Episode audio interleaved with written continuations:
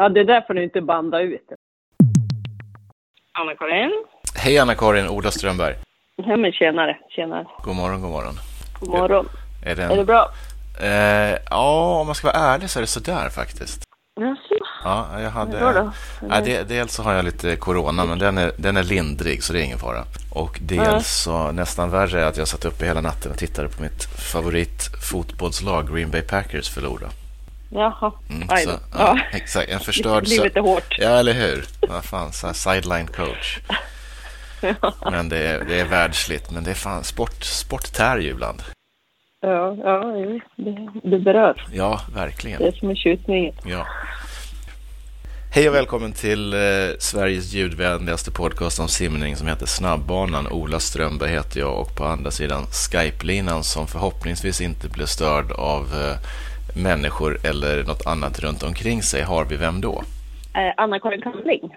Välkommen till podden. Jag tänkte hoppa rakt in på lite sådana här enkla frågor där man får välja ja eller nej, eller nej, snarare ett av två alternativ. Är du beredd på det eller? Mm.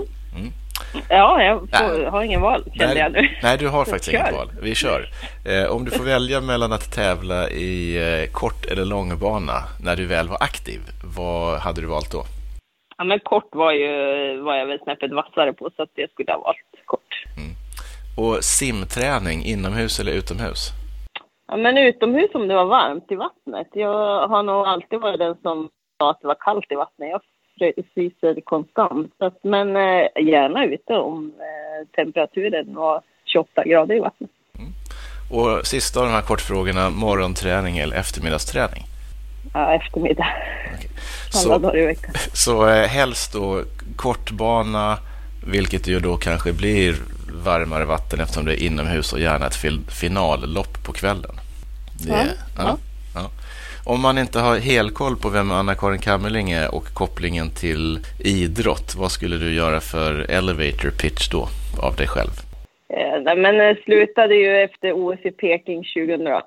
Hade gjort tre OS. Jag tror jag simmade landslaget 11 år. Slog med sju världsrekord och vart väl en drygt 50 eh, internationella medaljer. Men jobbar också nu sedan 2010 med, som expert på radiosporten. Så jag är fortfarande liksom lite kvar i, i simvärlden, vilket är otroligt roligt. Mm. Och 50 medaljer är ju helt brutalt många. Jag gjorde lite research där och tittade att på kortbane-EM så tror jag att du har simmat ihop individuellt och lag 35 medaljer. Alltså det är ju så många som man, man klarar knappt av att räkna dem. Hur, när du ser tillbaks på det, om du ska välja något av det där som du känner, det här var ju extra starkt minne, går det att plocka ut någonting? inte kortbane-EM kan jag inte här, alltså, minnas något speciellt så, utan det är nog snarare kanske första gången man slog världsrekord, eh, OS-medaljen liksom. Det är väl sådana tillfällen som man ändå ja, kommer ihåg. Och 2008 när, efter OS i Peking när du kände att ja, men nu, eh, nu är det dags att göra något annat. Hur mycket var det att du kände att du gick liksom till något nytt eller från något gammalt? Eller vad var, vad var känslan i kroppen?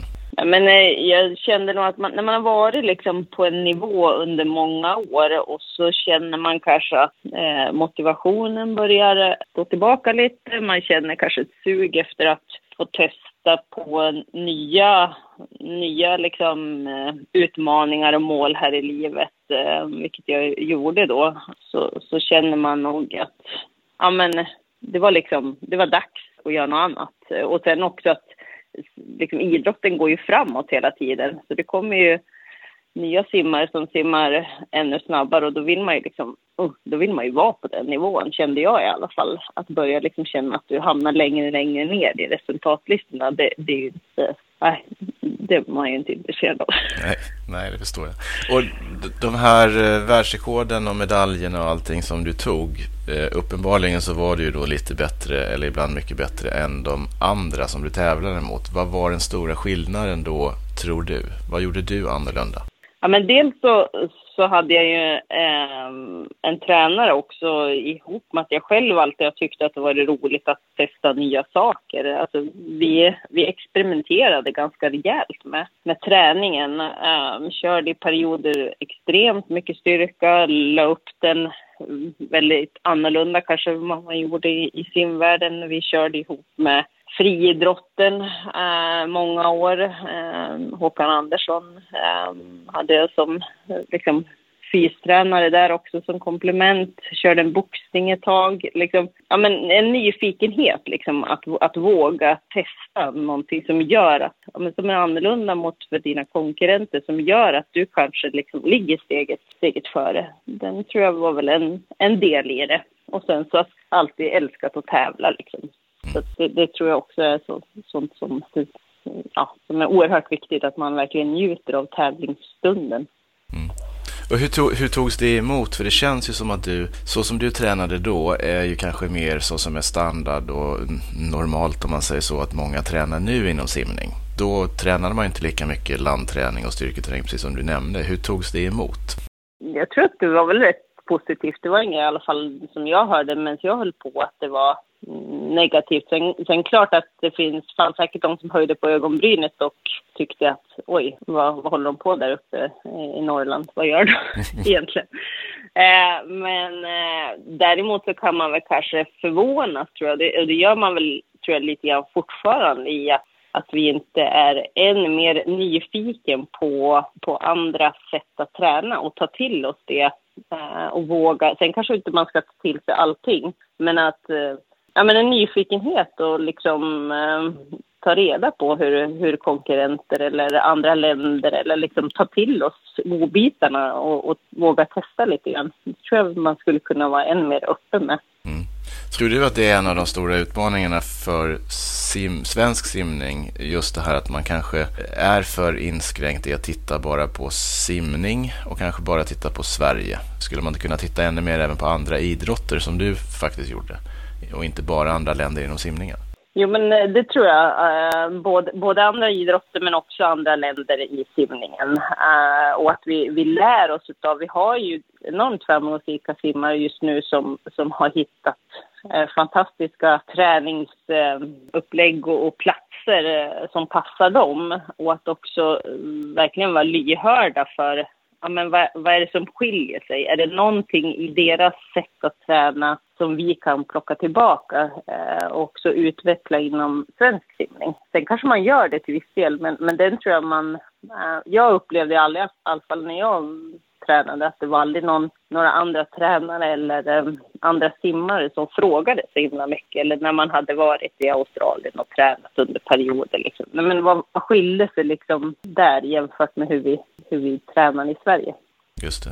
Och du som är då är expert fortfarande i radiosporten och har en ba stor bakgrund inom simning. Eh, Michael Andrew och USRPT träning, det vill säga Ultra Race Pace Training med väldigt hög fart. Är det någonting som du känner att ja, men det där borde man faktiskt ta på allvar och någon, några testa? Eller hur ser du på det? Om du har funderat på det? Jag har inte funderat så mycket på det eller satt mig in i exakt vad det är, men, men jag tror som sagt att det handlar om en, en nyfikenhet och en öppenhet eh, framför allt kring, kring det som är ja, men, nytt och annorlunda. Sen så tror jag inte att det finns liksom ett, ett framgångsrecept som liksom vi kan bara ja, men, applicera rakt av på varenda eh, person, utan det är ju individuellt. Man måste ju liksom utifrån sina egna förutsättningar eh, också, ja, men, de distanser man simmar emot anpassa det naturligtvis. Mm. Att, eh, och när, när, om man hoppar, inte jättelångt tillbaka, för så gammal är du inte, men, men en liten bit tillbaka. När du väl började simma, vad var det som fick dig att välja simning och inte något annat som idrott? Nej, men det var dels så var det vänner eh, och, ett, och ett roligt sammanhang att, att vara i, framför allt tror jag. Men också att man hade talang i det tror jag som gjorde ändå att men, det här känns som att det är rätt plats för mig. Liksom. Men, men mycket eh, handlar ju om det, det sociala. Och,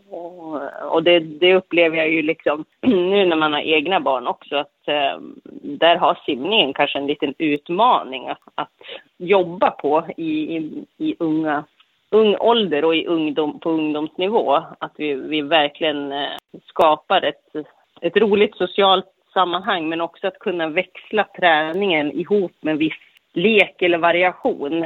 Um, för att simningen är ju vad simningen är. Den är ganska monoton, eller väldigt skulle jag säga. Och också med, med, med stor utmaning att få in liksom en lek, träningen i barn och ungdomsverksamheten. Dina barn i dagsläget, om de håller på med sport, vad gör de då för någonting? Ja, de håller på med allt möjligt. Det är motocross och det är friidrott och lite simning och det är ehm, eh, gymnastik och det är scouter. Och, ja, det är allt möjligt. Jag vet inte om, det, ja, det känns som att vi är i ungefär varenda av eh, klubbar. Men det är superkul. Jag älskar det. Vad skulle du hållit på med för sport om det inte hade blivit simning då? Nej, men jag höll väl på lite grann med ridning under ett, ett tag. Äh, lite basket, lite lite allt möjligt sådär. Som sagt, jag, jag tror att idrott är liksom, spelar inte så stor roll vad det är, utan det är ju liksom ett sammanhang. Eh, vi, vi människor, vi barn behöver ju ett sammanhang och där vi också får möjlighet att um, ha, ha roligt men också till, till fysisk aktivitet. Det tror jag är jätte, jätteviktigt. Mm. Och när, när, du började, när du höll på, vad, hade du någon idol inom simningen som du såg upp till då? Nej, inte alls faktiskt. Ehm, jag har eh, extremt dålig koll på vilka som har simmat ehm, liksom, historiskt och sådär. där. så att det har all, för mig aldrig varit någon, någon drivkraft i att liksom, jag menar att jag har sett upp till någon på det sättet. Däremot så kan jag ju liksom när jag varit äldre se upp till, till personer som, men, som vågar liksom eh, gå sin egen väg eller vågar liksom göra en, en förändring eller på det sättet. Liksom. Hej, dagens shoppingtips. Gå till tyrsverige.se för att köpa simpaddlar, dolme, baddräkt, simglasögon, badbyxor, väskor. Allt möjligt du behöver för att simma fortare och se lite bättre ut i bassängen. tyrsverige.se. Shoppa loss! Och när du väl var aktiv och, och tävlade om medaljer i yppersta världseliten, var det någon typ av motståndare som du hade speciellt svårt för? Även om det är en individuell idrott så kanske det är några som man mentalt tycker, ah, fan, det här var en jobbig person att möta. Ja, men Inge de Bruyne var ju en sån eh, simmare som var otroligt duktig under den perioden eh, jag på. Och, och Therese Ahl, samma. Men alltså de man mötte liksom eh, ofta och, och, som det ofta liksom kanske var de tuffaste konkurrenterna. Det är klart att de, eh, de var svåra att bara bortse ifrån utan de, de var ju de man fightades mot eh, varenda gång det var dags för eh, stora mästerskap. Nu, hur mycket koll har du på simning nu? Nej men alltså jag följer ju simningen, sen inte liksom i detaljnivå, det blir på liksom yppersta världs eliten i och med att jag, det, det, det jobb jag har tillsammans med, med Radiosporten. Så att, eh, visst följer, följer jag för att kunna göra ett, ett bra jobb. Sen så är det ju liksom, simningen ligger otroligt varmt om hjärtat och liksom det, det skulle jag ju följt oavsett på en viss, viss nivå. Mm. Det skulle jag göra. Mm. mm. Tränar du någon simning själv nu för tiden? Extremt dåligt. Ehm, det kan vara någon gång när någon av barnen just nu då håller på med lite simning. Så att, ehm, man får liksom, när man är i perioder när man skjutsar barn, då får man försöka anpassa sig till att bara träna där. Ja, ja jag tillfällighet. Men du, om, om man ser på simningen i, i dagsläget, eh, svensk simning. Eh, nu har ju Martina Aronsson tillträtt eller som förbundskapten. Ulrika Sandmark är sportchef. Eh, skulle du vara intresserad av att jobba professionellt inom simningen? Ja, men alltså idrotten, jag har ett fantastiskt roligt och tillfredsställande jobb där jag är idag som, som affärschef på HSB. Men, men idrotten är, eh, är någonting som, som eh, man har ett jättestort intresse utav och det är annorlunda upplever jag när man kliver in i idrottsvärlden eh, kontra näringslivet för det finns en, en, en oftast en, en genuint liksom intresse och ett, och ett driv från, från människorna som är i sammanhanget som jag ibland kan sakna. Så att absolut, visst skulle jag någon gång kanske vilja tillbaka till simningen eller i idrotten i, i någon form i alla fall. Mm. Um, mm.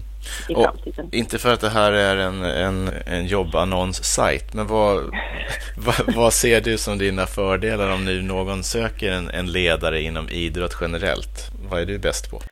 Nej, men eh, dels så, så tror jag att det är otroligt bra att man har jobbat i, i ett annat sammanhang eh, än bara idrotten. Jag tror att vi, vi har mycket att lära från både näringsliv kontra idrotten eh, däremellan. Men eh, som, som ledare så, så tror jag att jag är engagerad och eh, jag har ett, ett stort liksom, driv i, i liksom ett åtagande och det, det jag kliver på och, och också gillar att, att göra det tillsammans liksom, med mina medarbetare. Mm, bra, då har vi en, en lite, inte en jobbannons för att du trivs på det jobbet du har idag, men det kan alltid vara bra att ha lite tentakler ute. Vi hoppar tillbaka till, till simningen, ISL, eh, oligarksponsrade professionella ligan. Är den bra eller dålig för simidrotten?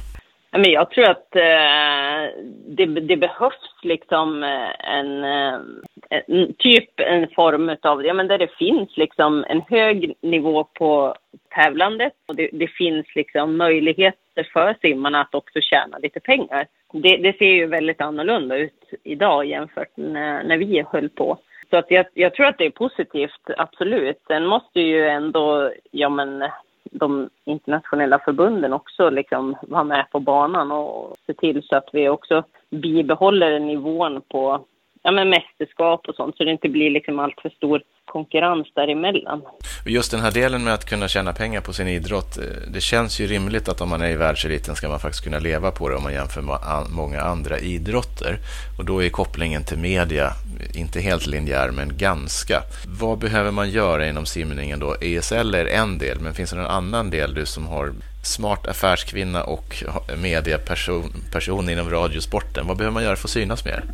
Ja, men dels, dels är det ju paketeringen utav av, av simningen i, liksom i brett, tror jag. Eh, för, för det, den, den tror jag är jätteviktig och det, där jobbar man ju liksom också på, på vikten av simkunnighet och, och de bitarna. Men också sen paketera liksom de simmarna, alltså eh, synliggöra, så det inte blir allt för individualistiskt också, att man, man har en tanke kring landslaget. Sen tror jag också att eh, skapa tävling på hemma, hemmaplan är, är jätteviktigt. Så att vi också ger publiken en möjlighet att uppleva simningen på närmare håll.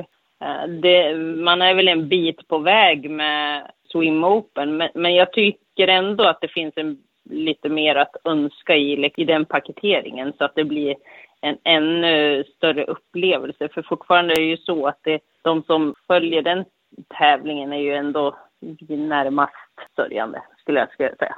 Och sen är det väl, jag menar det är ju så också att det är ju enormt bra med den plattform som finns idag för, för simmare och individuella idrottare att bygga sig ett varumärke själv genom sociala medier och sånt. Men, men där måste ju också förbunden haka på. Um, så att det inte blir liksom, de skapar själva bara sitt egna varumärke och, och liksom förbundet och, och svensk simning hänger inte med och kopplar på det liksom. Det där måste ju sam samköras så att det blir liksom en win-win för både den individuella personen men också förbund och klubbar och så. Mm. Mm, kloka insikter. Du, om man håller på med idrott och simning specifikt, har man någon nytta av det när man sen ska börja jobba? Har du haft någon nytta av det i din eh, civila karriär? Jag menar, självklart eh, har man det med, med både förmågan att ha en struktur, ha en planering, ha en målbild över det arbete som ska göras. Jobbet med liksom att tänka feedback är också, tycker jag, mycket mer eh, naturlig och självklart i idrotten kontra näringslivet. Man pratar väldigt ofta om det, men det blir lätt ganska krystat liksom. Mm.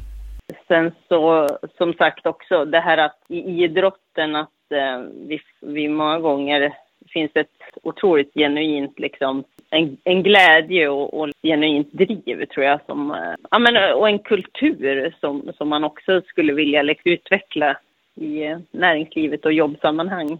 Jag kan ibland tänka på liksom första gången man, man fick hem landslagsutrustningen och liksom känslan när man fick dra på sig liksom Sverige-overallen och representera, eller på ett SM när man kände wow, man, man var ett lag och, och tillsammans få liksom representera liksom klubben. Den känslan av att bära klubbnamn eller företagsnamn med stolthet tror jag man också har en del att ja, men, lära i, i näringslivet, så som jag i alla fall eh, har tagit med mig från, från simningen. Mm. Ja, men intressant. Ska man, när man håller på och simmar, ska man eh, bara simma, eller väldigt ledande fråga det här, eller kan det vara bra att plugga vid sidan om? Ja, men jag pluggade ju när jag höll på, inte under alla år, det gjorde jag absolut inte, men eh, inför mitt sista OS, eller om det var näst sista, så bestämde jag för mig för att jag ska ta en examen. Eh, för jag vill ha någonting att falla tillbaka på. Och det var nog också mycket för att liksom inte ha den känsla av att den dagen jag slutar, ah, va, va, vem är jag då? Mm. Va, vad är min identitet? Att känna att jag har, har någonting annat. Jag har lyckats med någonting också som inte är bara simning. Så, så det tror jag absolut, men där behöver vi också klubbar och förbund hjälpa sina, sina idrottare att, att dels prata om det men också kanske hjälpa till att skapa förutsättningar för det. För det är inte alla som tänker på det eller har det drivet och där tror jag man behöver hjälpa till. För jag tror också att det, det kan vara utvecklande även för idrotten. Det behöver inte vara liksom bara någonting annat som tar tid och, som, och kraft ifrån idrottarna utan snarare tvärtom. Mm. Där, och det kan ju verkligen vara så att du, det går inte alltid så bra som man vill i bassängen och då ha någonting annat att falla tillbaka på som man inte bara är simmare utan du är även student eller vad du nu vill identifiera dig som. kan ju underlätta också mm. simprestationsmässigt såklart. Sen behöver det inte vara så att det alltid, alltid är liksom att studera, för det kan ju också vara ett samarbete med Eh, din, din sponsor eller klubbens eh, vad heter det, sponsor eller samarbetspartner där man, där man ges liksom tillfälle att göra praktik eller liksom lära sig vissa delar i, i ett arbete och sånt. Det, det kan ju vara minst lika liksom, eh, utvecklande och tillfredsställande, tänker jag, som att sätta sig i skolbänken. Mm. Ja, klokt. Du, jag, eh, jag är nöjd med svaren från dig. Är du okej okay nöjd med frågorna eller? Eh, ja. Eh, ja, med tvekan? Jaha, lite tvekan. Nej, men, nej, nej, nej. Ibland känner man så här, det, det liksom, man, man svävar ju ut och det, man pratar liksom om eh, distinkt liksom att nu ska vi prata om det här ämnet bara. Så Nej, blir det oftast liksom, man har en förmåga att bla bla bla och så det, det, är väl bra. det är väl bra att man tycker till ändå. Har du något tips på någon som jag borde intervjua här som handlar om, ja det kan vara allt från eh, simning till träning till hälsa, idrott som du skulle vara nyfiken på? Det var en bra fråga. Nej men det är väl kanske, tänker bara om man, om man kunde koppla ihop det med någon som är riktigt vass inom, inom någonting som simmarna jobbar med just nu. Alltså jag tänker om det är någon fysio eller någon som, ja men jag tänker också så här, de som ska liksom utveckla svensk simning. Vad, vad, är, vad, vad gör de? Du, eh, när får man se dig i en tävlingsbassäng nästa gång då? Mastersimning och sånt? Håller du på med det, det eller? Sägs att, nej, men det sägs att, sägs att Masters-SM ska gå i Sundsvall, tror jag. Exakt Det här så. året, tror jag.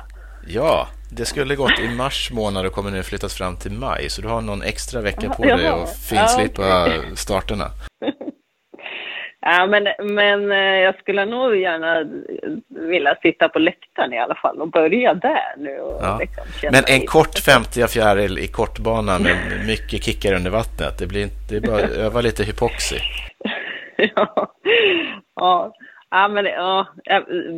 Ska jag ställa mig på pallen vill jag, vill jag nog känna att inte jag gör bort mig, så då vill jag nog ha några timmar i mer träning innan ja, vi får se. jag säger ja. Ha, men vi får ha, se. Ja, det blir en sån cliffhanger.